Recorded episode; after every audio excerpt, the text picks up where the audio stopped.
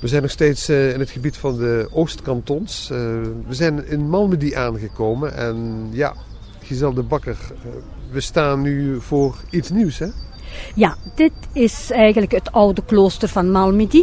Het waren Benedictijner monniken die het klooster hier gesticht hebben, onder andere de heilige Remakkelen. Uh, dat klooster heeft bestaan tot in 1795 en dan hebben de Fransen hun intrek genomen in deze gebouwen. Ook het Atheneum heeft hier plaats ingenomen en vandaag heeft de stad het eigenlijk volledig gerestaureerd, zodat het een mooi museum geworden is. Ja, het heet het uh, Malmundarium. Ja, het Malmundarium, dat woord komt van het Latijn. Malmedy komt van het Latijn Malmundarium. Wat wil zeggen dat Malmedy vroeger een gebied was met heel veel water. Slechte samenvloeiing van al die waters.